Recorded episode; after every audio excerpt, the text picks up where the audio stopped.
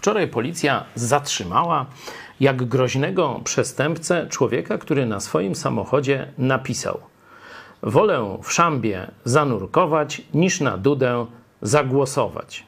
Możemy się z nim zgadzać albo nie. Prawdopodobnie był to zwolennik tej koalicji czy tam Platformy Obywatelskiej. Prawdopodobnie nie lubił Dudy, prawdopodobnie nie zgadzał się z pisem i tak dalej. Ale czy to jest powód, żeby takiego człowieka poniewierała policja, straszono go prokuratorem i więzieniem?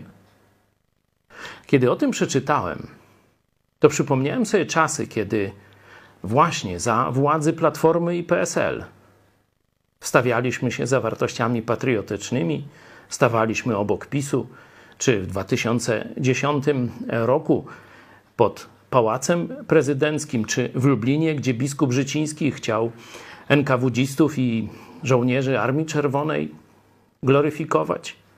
I wtedy byłem zatrzymywany przez policję, legitymowany bez żadnego uzasadnienia, wzywany na przesłuchania i tak. Wiedzieliśmy, że to jest władza platformerska, banda trzymająca władzę. Liczyliśmy, że jak się zmieni władza na pisowską, no to już zgodnie z nazwą będzie prawo i sprawiedliwość. Nie.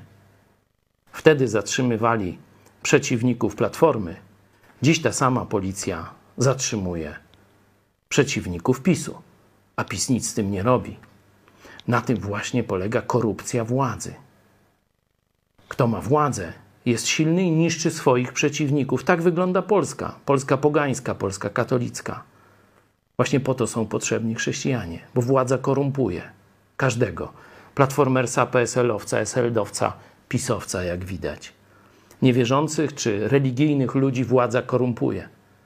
Dopiero chrześcijanie, którzy w Ewangelii Mateusza, piątym rozdziale, czternasty werset, nazwani są przez Jezusa, wy jesteście światłością świata.